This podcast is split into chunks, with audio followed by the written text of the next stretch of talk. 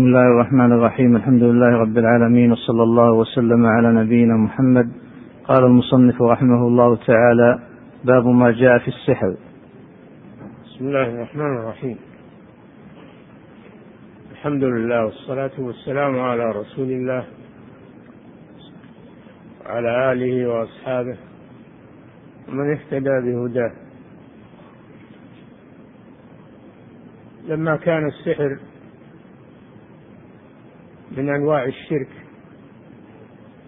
المنافي للتوحيد. عقد المصنف رحمه الله هذا الباب. لأن الساحر لا يتوصل إلى سحره إلا إذا استعان بالشياطين وخضع لهم. وهذا شرك بالله سبحانه وتعالى. ولكون السحر يقع كثيرا في الناس ولا سيما في مع الجهل وفي البادية وفي وكان كثيرا في هذه البلاد قبل دعوة الشيخ رحمه الله. كان كثيرا واقعا من الآفات في هذه البلاد كما في غيرها. عقد له هذا الباب. السحر موجود في الأمم السابقة كما ذكر الله عن فرعون وقومه. وكما ذكر الله عن اليهود أنهم كانوا يتعاطون السحر وكما هو واقع من بعض هذه الأمة لا سيما مع الجهل والسير على العادات و فهو آفة خطيرة. والسحر عبارة عن رقى و وعزائم وعقد يعقدها الساحر في الخيط وينكت فيها ويستعين بالشيطان فيتكون هذا السحر بإعانة الشياطين. وهو على نوعين سحر حقيقي يقتل ويمرض ويخل بالعقل. ونوع تخييلي وهو سحر الأعين وهو ما يسمى بالقمرة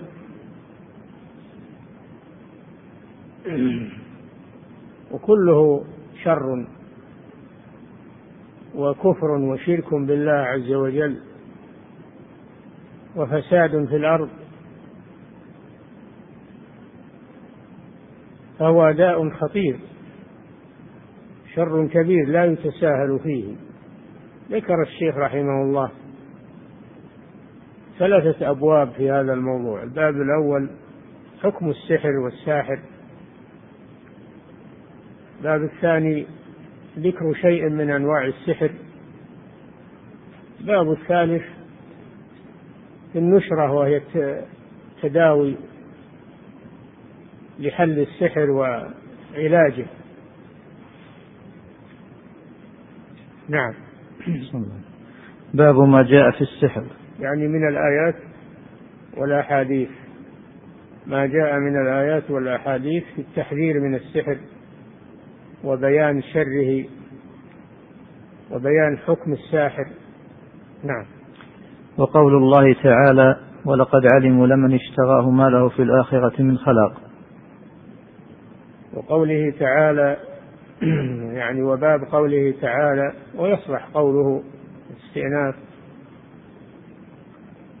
ولقد علموا أي اليهود الضمير راجع لليهود لأن السياق في اليهود واتبعوا ما ولما جاءهم رسول من عند الله نبذ فريق من الذين أوتوا الكتاب كتاب الله وراء ظهورهم كأنهم لا يعلمون واتبعوا ما تتلو الشياطين على ملك سليمان. اليهود نبذوا التوراة التي فيها أوصاف محمد صلى الله عليه وسلم والأمر باتباعه.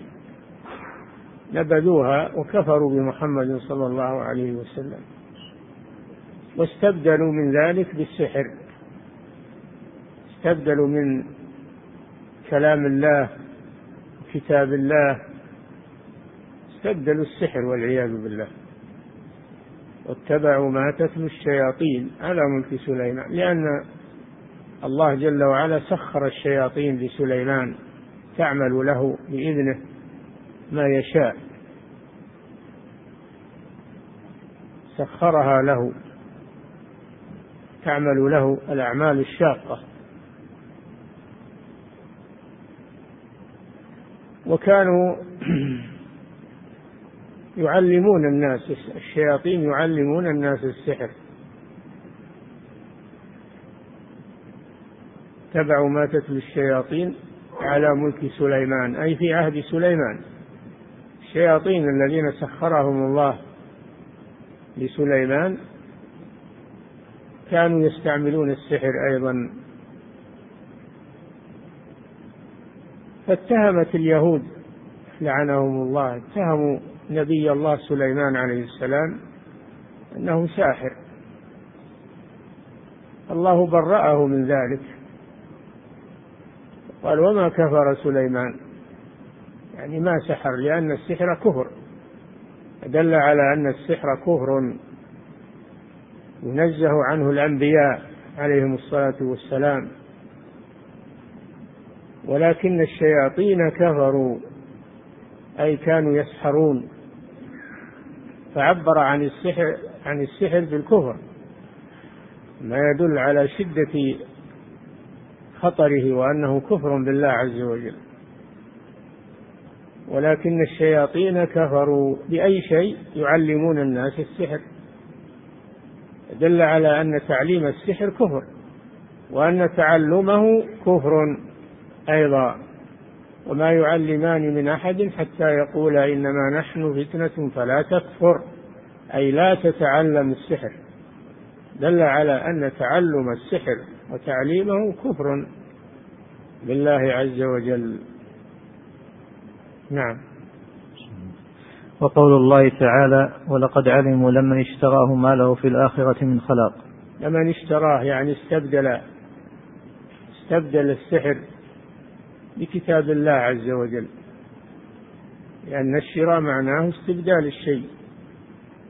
اليهود تركوا كتاب الله وأخذوا السحر. هذا شراء. نعم. وقوله يؤمنون بالجبت والطاغوت. وقول الله تعالى يؤمنون بالجبت والطاغوت. ألم تر إلى الذين أوتوا نصيبا من الكتاب يؤمنون بالجبت والطاغوت؟ والجبت هو السحر. فاليهود يؤمنون بالسحر ويستعملونه. فهذا تحذير من السحر وأنه من عمل اليهود. نعم. قال عمر الجبت السحر والطاغوت الشيطان؟ نعم الجبت السحر؟ فهذا محل الشاهد أن اليهود يؤمنون بالجبت وهو السحر ويستعملونه. وهذا عيب لهم وذم لهم. والطاغوت الشيطان. طاغوت من الطغيان وهو مجاوزة الحد. الشيطان هو رأس الطواغيت. الطواغيت كثيرون لكن رأسهم الشيطان. نعم. وقال جابر الطواغيت كهان كان ينزل عليهم الشيطان في كل حي واحد. طواغيت كهان. الطواغيت جمع طاغوت والطاغوت هو الكاهن. مأخوذ من الطغيان وهو مجاوزة الحد إلى الكفر بالله عز وجل.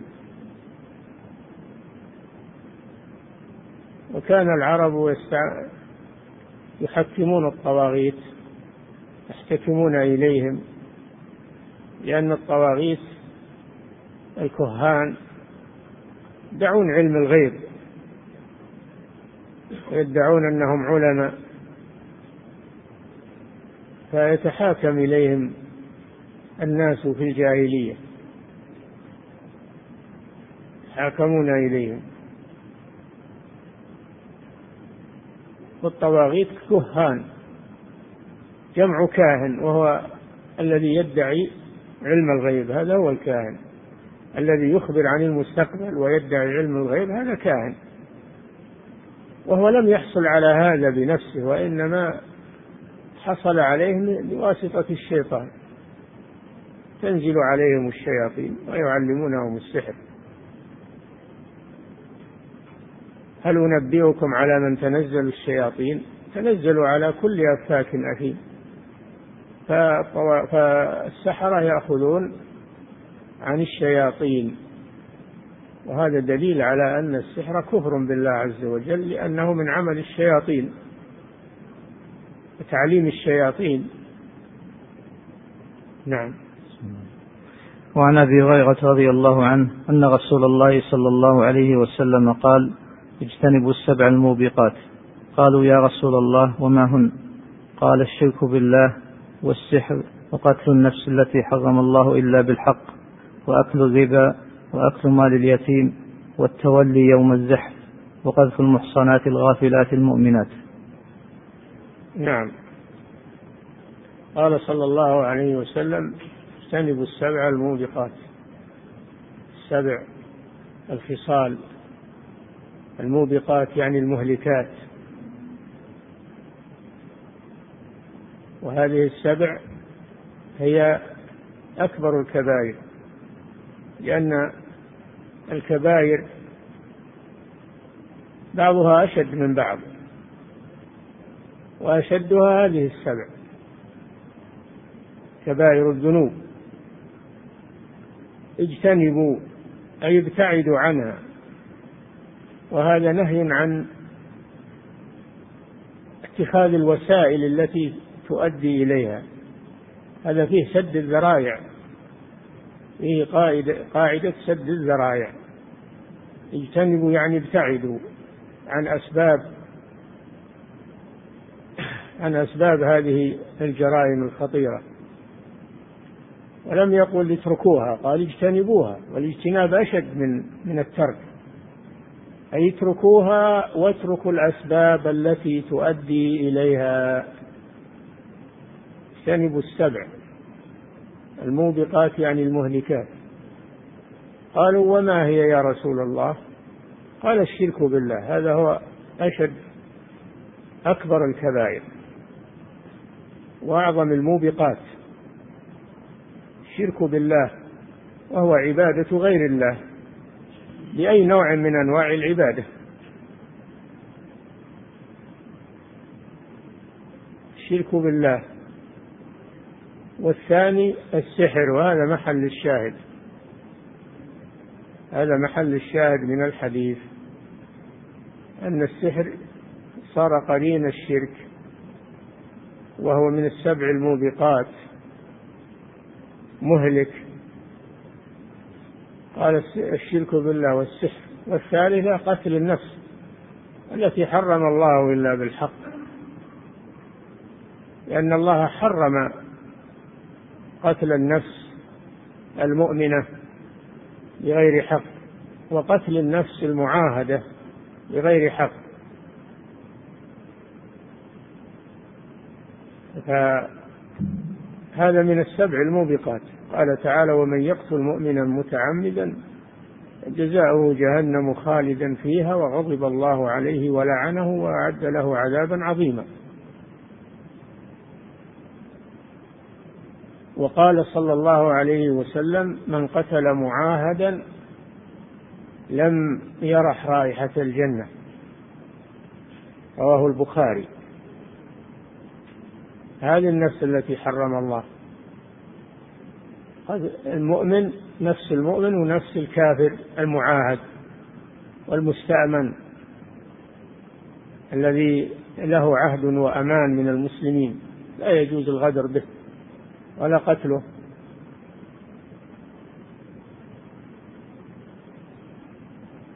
قتل النفس التي حرم الله إلا بالحق. وأكل الربا. أكل الربا.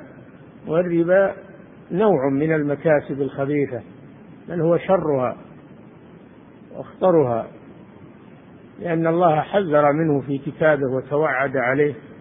بأشد الوعيد. والربا في اللغة هو الزيادة.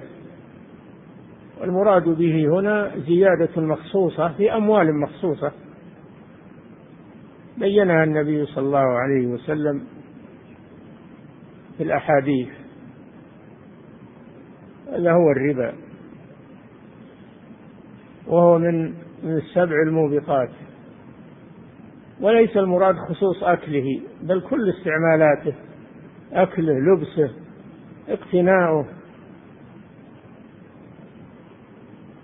كله من من استعمال الربا.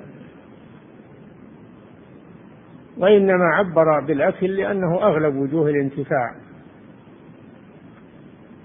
وأكل مال اليتيم واليتيم هو الذي مات أبوه وهو دون البلوغ. لأنه ضعيف ولا يعرف مصالح نفسه ولا يدافع عن نفسه فإذا كان له مال فإنه يجب احترامه وحفظه له وعدم الاعتداء عليه ولا يستغل صغر اليتيم فيوكل ماله بل يحافظ عليه وأكله من أشد المحرمات. وكذلك استعماله بأي طريق. لا يجوز ابتزاز مال اليتيم بأي طريق من الطرق بل تجب المحافظة عليه وتسليمه له عند بلوغه ورشده. وأكل مال اليتيم والتولي يوم الزحف الفرار من المعركة. إذا تواجه المسلمون والكفار في المعركة فيجب على كل من يستطيع القتال أن يقاتل ولا يجوز له أن يدبر ويفر بل يقاتل ويصبر. يا أيها الذين آمنوا إذا لقيتم الذين كفروا زحفا فلا تولوهم الأدبار. ومن يولهم يومئذ دبره إلا متحرفا لقتال أو متحيزا إلى فئة فقد باء بغضب من الله ومأواه جهنم وبئس المصير. وفي هذه وفي هذا الحديث أن الفرار يوم الزحف أنه من السبع الموبقات. وقذف المحصنات الغافلات. مراد بالقذف الرمي بالفاحشة. الرمي بالزنا كذلك الرمي باللواط الجريمة القبيحة. لأن عرض المسلم محرم كدمه وماله. إن دماءكم وأموالكم وأعراضكم عليكم حرام. فيحرم عرض المسلم والكلام فيه. وأشد ال... أشد الكلام في عرض المسلم القذف بالزنا أو اللواط. إن الذين يرمون المحصنات الغافلات المؤمنات لعنوا في الدنيا والآخرة ولهم عذاب عظيم. والذين يرمون المحصنات ثم لم يأتوا بأربعة شهداء فاجلدوهم ثمانين جلدة ولا تقبلوا لهم شهادة أبدا. فأولئك هم الفاسقون. إلا الذين تابوا من بعد ذلك وأصلحوا فإن الله غفور رحيم. والمحصنات جمع محصنة وهي العفيفة. المحصنة العفيفة عن الزنا التي صانت عرضها. فلا يجوز أن ترمى بالزنا أو يرمى المسلم بالزنا أو اللواط. لأن هذا يدنس عرضه ويهتك عرضه وهذا أشد من أخذ ماله والاعتداء على ماله بل ربما يكون أشد من قتله لأن هذا يلطخ عرضه بين الناس و فالأعراض لها حرمة عظيمة. نعم. وعن جندب مرفوعا حد الساحر. وعن جندب مرفوعا جندب نعم. وعن جندب مرفوعا حد الساحر ضربه بالسيف. رواه الترمذي وقال الصحيح أنه موقوف. هذا فيه بيان عقوبة الساحر. هذا وما بعده فيه بيان عقوبة الساحر. أن عقوبته القتل. أنه يقتل. إذا ثبت عليه السحر بإقراره. أو بالشهادة عليه فإنه يجب قتله ولا يستتاب بل يقتل على كل حال دفعا لشره. حد الساحر ضربه بالسيف أي قتله. نعم. وفي صحيح البخاري عن بجالة بن عبدة قال كتب عمر بن الخطاب أن يقتلوا كل ساحر وساحرة. قال فقتلنا ثلاث سواحر نعم وهذا من فعل الخلفاء الراشدين أنهم يقتلون السحرة. كتب عمر لما كان خليفة كتب إلى عماله على الأمصار أن يقتلوا كل ساحر وساحرة. فهذا دليل على أن الساحر يقتل ولا يترك يفسد في الأرض. اقتلوا كل ساحر وساحرة. المرأة أيضا تقتل الساحرة تقتل.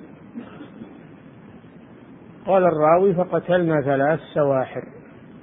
يعني نفذنا ما كتب به أمير المؤمنين عمر رضي الله عنه. قتلنا ثلاث سواحر. فهذا فيه دليل على قتل الساحر من فعل الصحابة. نعم.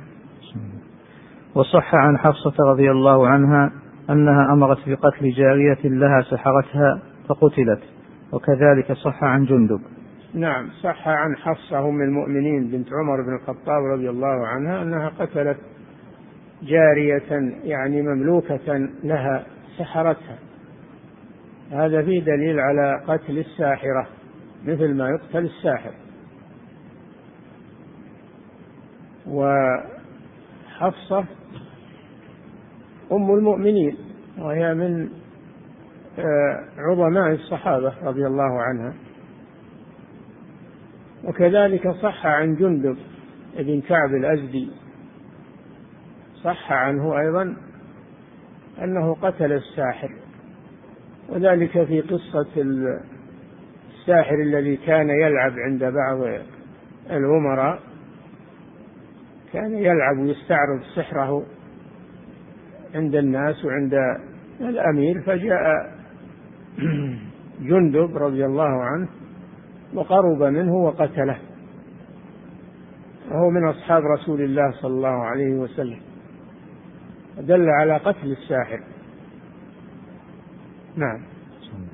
قال أحمد عن ثلاثة من أصحاب النبي صلى الله عليه وسلم. نعم يعني صح قتل الساحر عن ثلاثة من أصحاب النبي صلى الله عليه وسلم وهم عمر وابنته حفصة وجندب بن كعب رضي الله عنهم.